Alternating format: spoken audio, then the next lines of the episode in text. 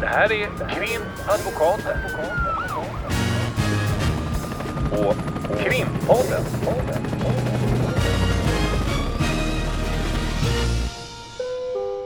Parter och ombud kallas till sal 32. Hej Lotta! Hej Ulrika! Nu sitter vi här eh, några dagar innan jul, men Mm. när det här poddavsnittet sänds då kommer det att vara dagen innan julafton. Dan före dopparedagen. Yes. Mm. Och eftersom eh, vi då eh, befinner oss eh, lite tidigare än dagen före dopparedagen, några dagar innan dopparedagen, så kanske vi kan sammanfatta lite hur, hur det ser ut på jobbet innan alla dopparedagar. Det är ganska mycket röda dagar den här eh, julen faktiskt. Ja, Vad betyder det är en det? så kallad arbetstagarjul väl, kan man säga. och vi är ju arbetstagare och, Vi är också arbetsgivare framför allt. och allting på Ja. en gång. Mm. Ehm, nej men det är väl alltid så, jag tror att det är alla branscher men det är, det är alltid mycket att göra inför ledighet. Det är samma sak inför sommarledigheterna tycker jag, så är man alldeles trött när man sen går på ledighet. Och många blir ju sjuka då också bara för att man har jobbat så himla mycket. Och eh, dessa tider, eh, ja jag tycker att det är ganska, det, det är ganska mycket att göra nu. Men jag kommer också jobba i mellandagarna så jag känner ändå att ah, jag tycker att det är ganska skönt att jobba på såna här dagar. För det är lite lugnare, man hinner fånga upp ganska mycket. Och eh, jag gillar jul. Jag tycker att det är lite trevligt Ja, att vi... gud vad du gillar jul. Eh, Ja. Jag gillar också jul, men inte, det är ingen som kan gilla jul så mycket som du. Men jag tänker så här att vad man gör, som du säger i de flesta yrken är det ju säkert sjukt stressigt precis innan det blir längre ledighet. Och vad vi försöker göra är att vi har i våra kalendrar olika datum för överklaganden, yttranden, ja, olika kommunikationer med myndigheter och med klienter. Och, och framför allt kanske det är det också i, i vår värld att jag tror att det är många som försöker sätta ut, alla vill vara effektiva innan ledigheter så att det, det sätts ut en hel del förhör och det sätts ut förhandlingar. Jag vet att man kan bli dubbel, trippel eh, bokad i olika förhandlingar därför att det ska bara ut i december liksom. Mm. Så att december är ju som en, en torktummelupplevelse på ett maj. sätt. Ja. Och i det ska man säga så i och med att vi också båda har eh, ganska många häktade klienter nu så sitter ju de över jul och nyår alla de här dagarna när de kanske är vana att vara med familj och också och fira jul. De kanske gillar jul ännu mer än, än som Än vi andra kring det här troligt. bordet. Men och då eh, har ju vi också ett ansvar ehm, kring att ha isoleringsbrytande åtgärder som det heter så himla stelt Ja, och då tänker distanserat. jag att det Alltså- finns, det, vi, vi ska bryta isolering och det ska inte vi göra, det är kriminalvården som har det uppdraget. Ja. Men som det ser ut nu på, på häktena eh, så är det ju så att det är fullpackat med folk och Mm. det är överbeläggning. Och eh, det betyder också att många som blir häktade nu, de förs tillbaka till arresten så Mm. de hamnar eh, hos polisen istället och kan sitta den längsta som jag har hört nu, det här ökar och ökar för varje dag, det är väl 15 dagar tror jag jag Mm. hörde igår att det var den senaste. Och då är det ju så att det, det, det är ju ganska undermåliga förhållanden. Ja. Även om de som jobbar i arresten anstränger sig på många ställen så Mm. är det ju, eh, det är ju en polisarrest. Ja men det är en polisarrest och framförallt så finns det inte den typen av distraktion. Alltså det är så många, ett dygn får ju så många timmar när man, Mm. är, när man inte har ett vanligt liv utan när man sitter instängd i ett rum 20, 23 timmar. Ingen radio, ingen tv. Ingen tv, ingenting. Jag tror att man blir väldigt, och naturligtvis inga mobiler eller datorer. Mm. Så den, den långsamheten, då säger man att man kan läsa böcker och så vidare. Det kan man ju förvisso. Men jag vet ju att du lämnade in massa böcker på en arrest här, här om sistone. Så då var Mm. Ja, det ju för min klient få. hade hunnit läsa ut fyra och en halv bok. Och det var det typ som fanns, eller hur? Jag menar också Ja. att det, det är såklart det slits ju ut därför att det är det enda man kan göra. Så att rent, rent mänskligt så är det naturligtvis viktigt att vi går dit och hänger lite och snackar lite och, och ja. Ja, och det betyder ju att, att, att våra dagar just nu består av, ja, som vanligt då med förhör och förhandlingar, men sen också att man avlägger besök hos klienterna och pratar mer om, det är mera sociala besök helt Mm. enkelt, för att de ska ha någon att, att prata med och i och med att det är så fullt inom kriminalvården, även i arresterna, så finns det ju inget utrymme för, för de som arbetar där eh, i stort sett att, att göra de här isoleringsbrytande åtgärderna. Så mycket av det vi gör nu är också att vi avlägger besök för att klienten ska ha möjlighet att ja, träffa en människa helt enkelt. Ja. Men, eh, ja, men så Då att, kanske, då s- så tänker vi har så kanske att, samma situation, eller du har också mycket? Ja, men jag i. tänker att det är många som eh, när, när vi be- beklagar oss över situationen i arrester och häkter tänker att ja, vad då, då? Har man gjort sig skyldig till ett mord eller ett rån då, då kan man väl inte sitta där och grina för att man inte får titta på tv. Och då är det ju så att än så länge i Sverige så har vi det som kallas för oskuldspresumtion. Det betyder att så länge du inte är dömd så är du inte skyldig. Och vi är ju med om att folk s- släpps från arresten eller när de sitter häktade, även om de kanske befinner sig på häktet eller i arresten, därför att misstanken försvinner eh, och att folk också blir frikända. Och frikända, jag- måste ändå understryka det. Häromdagen satt jag i, i tingsrätten med ett åtal där min klient frikändes på grund av att domstolen sa att, om jag ska säga det på vanlig svenska, att han inte har begått brottet. Alltså inte med någon juridisk teknikalitet som det ibland står om i tidningen och så vidare, utan att man faktiskt är oskyldig, att man är fel person, man har inte varit på platsen, att man faktiskt inte har gjort det som påstås. Alltså den renaste formen av, av frikännande. Det, man får inte glömma det, att det finns faktiskt, det, det, eller hur? Det, det är ibland som, som det faktiskt sker. Och Och en så- person som har varit frihetsberövad. Så det, Exakt, och då när man säger att äsch om du ändå har mördat någon, varför ska du ha rätt att titta på tv över julen, titta på Kalle och så, du är ändå en mördare. Och, och, och då, eh, som jag sa, vi har fortfarande en oskuldspresumtion. Det är också inte bara reglerat i vår lag utan i Europakonventionen. Så är det ju intressant, nämligen det vi tänkte prata om idag. Att man har gjort ifrån Civil Rights Defenders en rapport som eh, en uppdaterad rapport om Tidöavtalet och hur det nu har kommit till uttryck under den här senaste tiden när det, när det presenterades. Vi, hade ju, vi har ju nämnt det tidigare när det kom. Nu har de gjort en rapport, Civil Rights Defenders, det finns på deras hemsida. Men vad vi fastnade för det var ju en artikel i DN på DN Debatt den 11 i 12. Och det här anknyter lite till när vi måste sitta här och känner vi oss, eh, vi känner, vi känner att vi måste påtala att vi har en oskuldspresumtion än så länge. Och vad de just tar fram det är att det börjar suddas ut gränserna mellan en dömd eller en icke-dömd person. Och det är just precis det som börjar naggas i kanten, nämligen oskuldspresumtionen. Mm. Och de, och de säger generellt också kan man säga i den här artikeln att eh, det, det som sker nu det är snabba beslut. Eh, det är ganska ingripande beslut och förändringar inom många delar men vi pratar ju alltid det rättspolitiska.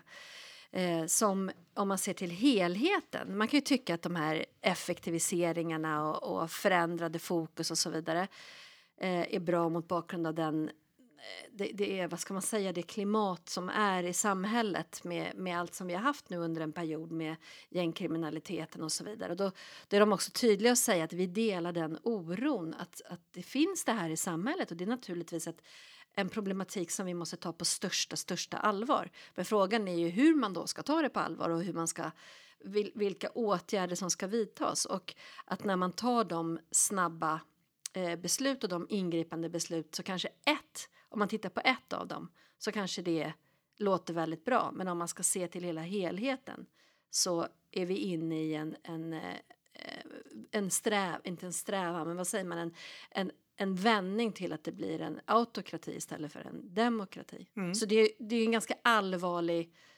färg över eh, eh, artikeln. Eller? Ja, verkligen. Och, och den sammanfattar jag ju ja, den, både färg och ton och, Mm. och hela faderutten. För den sammanfattar ju också det vi har pratat om i podden hela tiden. Ibland försöker vi lätta upp med lite tips om vad man ska titta på. lite och inte intervjuer titta på och lite sådär. Men vi ramlar ju alltid Precis. ner i det här träsket med allt vad vi har pratat om. Och därför är det ju så snyggt nu egentligen kan man säga. Som att någon annan också sätter vårt eh, schema. För det här är ju avsnitt 99. Och nästa avsnitt är vårt avsnitt 100. Det är Mm. helt otroligt. Det ska vi fira med buller och bång. Men Med buller och bång ska vi fira det och så får vi se vad vi ska prata om i det avsnittet. Men Ja, om det- vi återgår till Tidöavtalsrapporten. Ja, för nu men jag börjar tänkte du bara fira här. Nej, jag ska inte fira, men jag tänkte bara säga att det blir ju så väldigt...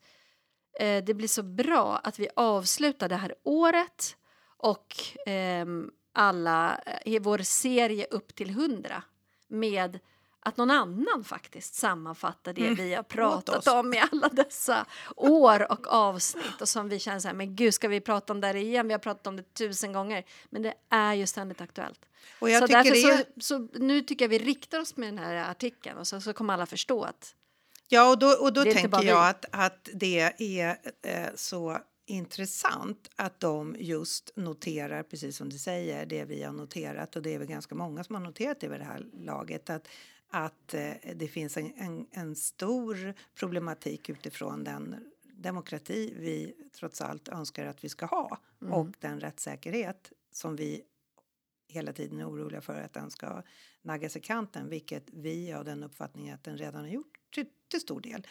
Och vad man pratar om nu då, när man suddar ut gränserna mellan dömda och icke-dömda, då pratar man om visitationszoner, man pratar om anonyma vittnen och man pratar också om att man ska vräka eh, hela familjer. eh, om ett barn har begått brott så ska man precis. vräka hela familjen som en sorts kollektiv bestraffning. Och vi man ska också avlyssna Ja. utan att, att det finns någon misstanke. Det är ju ganska intressant. Och precis som du säger och som de konstaterar, det kan ju vara så att man kan tycka att någonting av det här då till exempel avlyssna utan misstanke. Ja, men den här personen umgås i sådana kretsar Mm. där det planeras brott, eh, olika våldsbrott eller narkotikabrott, vad det nu kan tänkas vara och därför ska vi få avlyssna därför att vi kan lösa brott och det kanske också är så att den människan är, är, är kriminellt eh, aktiv. Men precis som de säger att det är lite slippery slope här till var går gränsen till slut. Och jag tycker att det också är intressant det här när de tar upp eh, med eh, att man nu ifrån regeringen och tid, alltså Tidöpartierna eh, det här med, med de här snabbutredningarna. Vad har vi att säga om snabbutredningar förutom blä? Alltså man kan ju säga, ehm, vi kanske bara ska prata lite kort om ehm, hur det har sett ut. Ehm, när det är någonting, en, eh, någon sorts förändring som eh, är på gång. Det är någon myndighet som eh, till exempel föreslår att det ska ske en förändring. Ehm, vi hade, jag tror vi har pratat om det också, det här förordnande taxen, att man ska förändra ersättningen för försvarare och, och försvarare. målsäm- alltså brottmålsadvokater i olika typer av mål om det inte leder till åtal. Då kom ju det som ett förslag från Domstolsverket för att man då ville komma till rätta med effektiviseringen av ekonomihantering. Ny lagstiftning. Ny lagstiftning och då går det ut på rem- remiss till berörda ehm, parter. Jag tänkte säga myndigheter, men då går det också till Advokatsamfundet. Och då när det kommer till Advokatsamfundet och det då berör eh, advokaterna eh, också så skickas det ut till eh, tre advokater eh, där, där en är eh, opponent, en är ordförande och en är författare. Och den här gruppen då gör en, en gedigen utredning. Man brukar få en, en, en ganska rimlig tid på sig för att först läsa igenom förslaget. Ibland så har man Hela utredningen. hela utredningar, eh, andras remisser. Det beror helt på i vilket skede och vilken del i, i den här processen man är som part. Och sen brukar man få tid att skriva som författare. Då sitter man ju i den här remissgruppen och diskuterar kanske eller beroende liksom på hur, hur, eh, hur, ja, hur, hur det är i den gruppen och så vidare. Och sen går det till opponenten som läser igenom och kanske har synpunkter och så kan man omformulera och sen, alltså det har varit en, som en sån här process som jag tror att alla känner tar till lite olika tid. sätt. Det tar lite tid, det blir gediget, man hinner med att ringa och kolla och läsa på och läsa forskning och Jag vet när jag satt i den här förordnande utredningen då gick vi bland annat till Brås många rapporter för att se hur det har sett ut statistikmässigt deras, alltså även till an, annan forskning helt enkelt och det är det som har det har ju varit tanken också att man ska liksom ha ett välgrundat eh, en, en välgrundad åsikt. Ja, och att alla som då eh, blir remissinstans vid, vid ett lagförslag eh, kan komma med sina synpunkter. Vissa håller med, vissa har synpunkter, vissa har, håller med i vissa delar och har synpunkter i andra. Och vem som helst får ju faktiskt svara med en remiss som Ja, är helt, är helt vanlig. Man behöver inte höra till någon organisation eller något samfund. Men sen är det ju också det att, att man eh, tar med alla remissvaren och, och de finns också med med sen senare i lagstiftningsarbetet. Och eh, förutsättningen, tänker man ju då, är ju att lagstiftaren tar till sig synpunkter ifrån remissinstanserna som också ganska vanligt förekommande är universitet, forskningsinstitutioner, juridiska institutioner. Nu pratar vi om vårt område. Och, och som du säger, det är Kriminalvården, Domstolsverket, Åklagarmyndigheten, Advokatsamfundet, eh, forskning, ju- juridiska institutioner eh, och, och sen kan det vara Socialstyrelsen. Det kan vara precis vilka som helst som, som blir remissinstans och, och man förutsätter att man tar in synpunkter och kanske också anpassar lagstiftningsarbetet. Och, att alla de här grupperna också upplever eh, traditionsmässigt att man blir att man, Lyssnad att, på. att Till man blir lyssnad på, att man, Mm. har, man har en del i det här och att det är viktigt det man kommer fram till. Därför att man vet att här kan man faktiskt påverka med sitt eget perspektiv. Så och sitt varit. eget kunnande. Sitt eget kunnande framför allt. Men nu då när man har de här snabbutredningarna, vi ska ju också säga det att snabbutredningarna som man kör med nu, det har ju blivit lite tycker jag som någon sorts när, när man ser de här presskonferenserna ifrån från regeringspartierna och, och samarbetspartiet att, att man vill visa på en effektivitet. Det är en snabbutredning här och då eh, så kanske det är så att eh, man utser en person som ska bedriva den här snabba utredningen och att man eh, lämnar direktiv. Det gör man alltid. Man ska lämna direktiv. Regeringen ska säga det här är vad vi vill att ni ska utreda. Och nu har det ju då eh, i det här snabba utredningsklimatet blivit så också att man talar om att detta ska ni genomföra. Till exempel som vi hörde när vi pratade med vår kollega Louise Gunven att här ska det utredas hur vi genomför anonyma vittnen. Och, och då är det ju intressant med tanke på att man har utrett det vid två tillfällen tidigare och kommit fram till att man inte ska ha eh, några anonyma vittnen. Exakt. Avsnitt 96 vill jag tipsa om. Ja, om okej. vad vi pratar om. Och då, då eh, är det ju så att när man står där eh, framför kamerorna i, i presskonferenserna så vill man visa någon sorts effektivitet. Det är snabba utredningar. Lite som att Sverige är ett mycket stelbent byråkratiskt eh, skepp som eh, då ska vändas och eh, med alla de här utredningarna hela tiden och att det, det, man lär ut på något sätt att vi, ja, då, då blir det en utredning. Det är som att då har regeringen kastat det här i, i papperskorgen när det ska utredas istället för att se att det här är en stor och viktig del i den demokratiska processen. Och har vi nu då en utredare kanske som ska utreda under kort tid med ett direktiv som inte är utreda här utan genomföra det här så har vi remissinstanserna som nu då inte alls får den tiden. Också kortare tid, ja. Mm. Sen får det- ni en vecka ju- Mm. på er att utreda eller att komma med ert remissvar. Hur hinner man, som ni gjorde då i den utredningen Mm. och som jag också har gjort i andra utredningar vi har varit med i för samfundets räkning. Hur hinner man läsa igenom texten ordentligt, analysera den och som grupp gå igenom den och också titta på vad det finns för synpunkter ifrån andra ifrån forskning. Mm. Den tiden kommer ju inte att finnas. Nej. Och vad händer, det, vad händer då när vi har en, la, en lagstiftning och ett lagstiftningsarbete som jag upplever, eh, vad kan man säga, devalverar och eh, nedvärderar, skulle jag vilja påstå, det, forskning och vetenskap. Ja, men och jag tänker också på, jag tror vi var inne på det, att man också när det kommer vissa avgöranden, till exempel från Högsta domstolen, då har det också varit, det är vår absolut högsta instans liksom, och vi, vi orienterar oss ju mycket efter den praxis som utvecklas ifrån justitieråden. Och det är också per tradition att det har sett ut så, men det har ju också kommit signaler om att vissa avgöranden och viss vissa frågor som man har lyft hos, hos eh, Högsta domstolen att man från regeringshåll har tyckt att ah, okej, här, det här håller vi inte med om. Då får vi se till att vi ändrar det på visst sätt och att det ska komma direktiv som förändrar. Liksom. Eller hur? Mm. Alltså Det- problemet är ju, det är ju det de pekar på i den här eh, rapporten, uppföljningen av Tidöavtalet.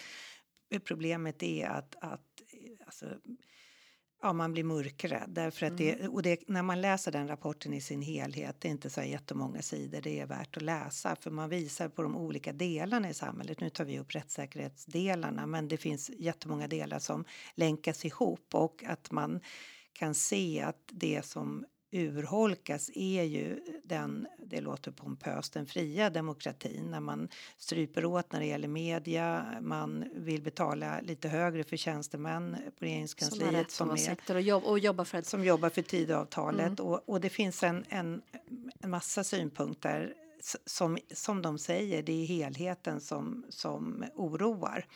Ja, men jag tycker också att det de också skriver är att man har den här fokusförskjutningen. Man vill ha ett fokus som skjuts till brottsoffret och inte på, på gärningsmannen eller på den misstänkta om man ska säga.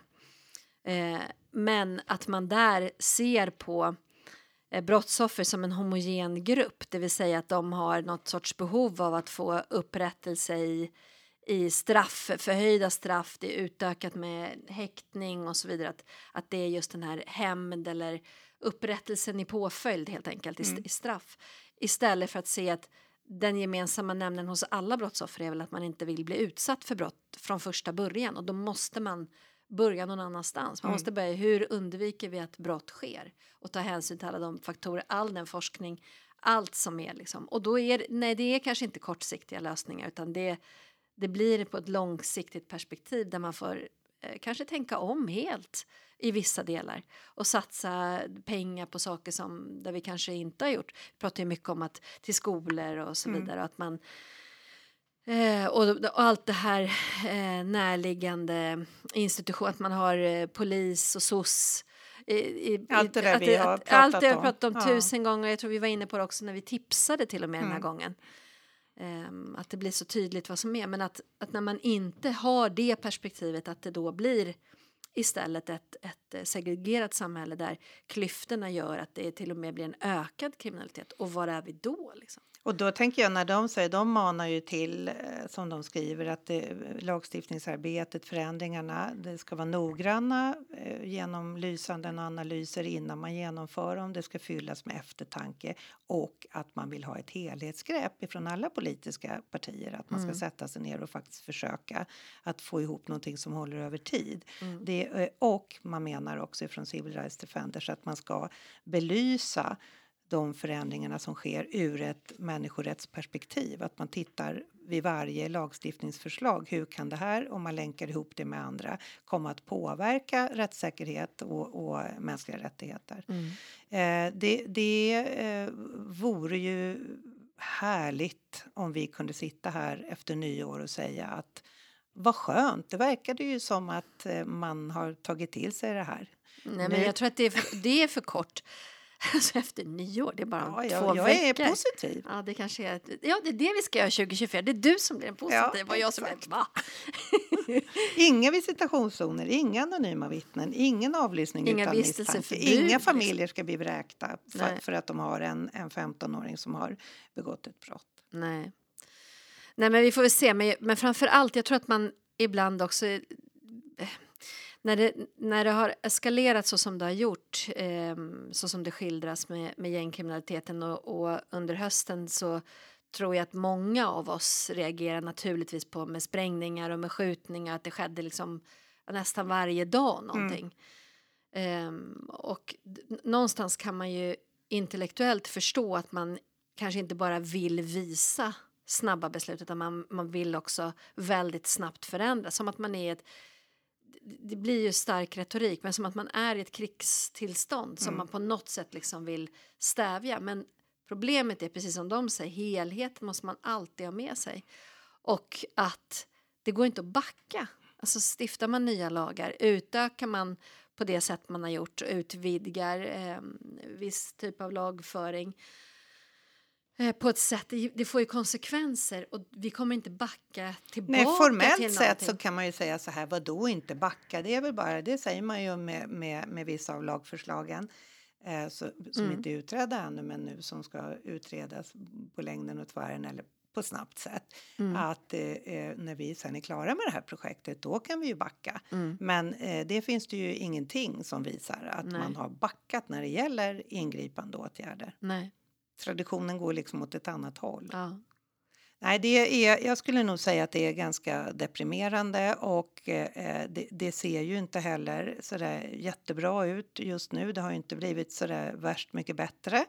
Eh, det, det finns en väldans massa frihetsberövade människor och eh, oskyldiga då innan det, det har meddelats någon dom i en annan riktning som överbefolkar nu eh, våra häkten, anstalter och arrester och problemet är att kriminalvården lyckas inte av alla skäl i världen eh, bygga mm, snabbare och nyare fängelser därför att det tar den tiden det tar. Mm. Man har pratat om att man ska liksom lisa ut eh, kriminalvårdens verksamhet Eh, till andra länder. Det har ju visat sig i vissa fall när det har varit på förslag bland annat Kosovo att det, det håller inte riktigt måtten. Eh, och eh, man har pratat om att man ska inhysa folk i containrar. Man provade ju med att föra fram det som ett förslag i Storbritannien och hysa in människor på en stor båt. Och, och det visade sig att inte det heller skulle fungera om man ska ha någon typ av svansföring när det gäller att, att låsa in människor med, med någon sorts eh, värdiga premisser.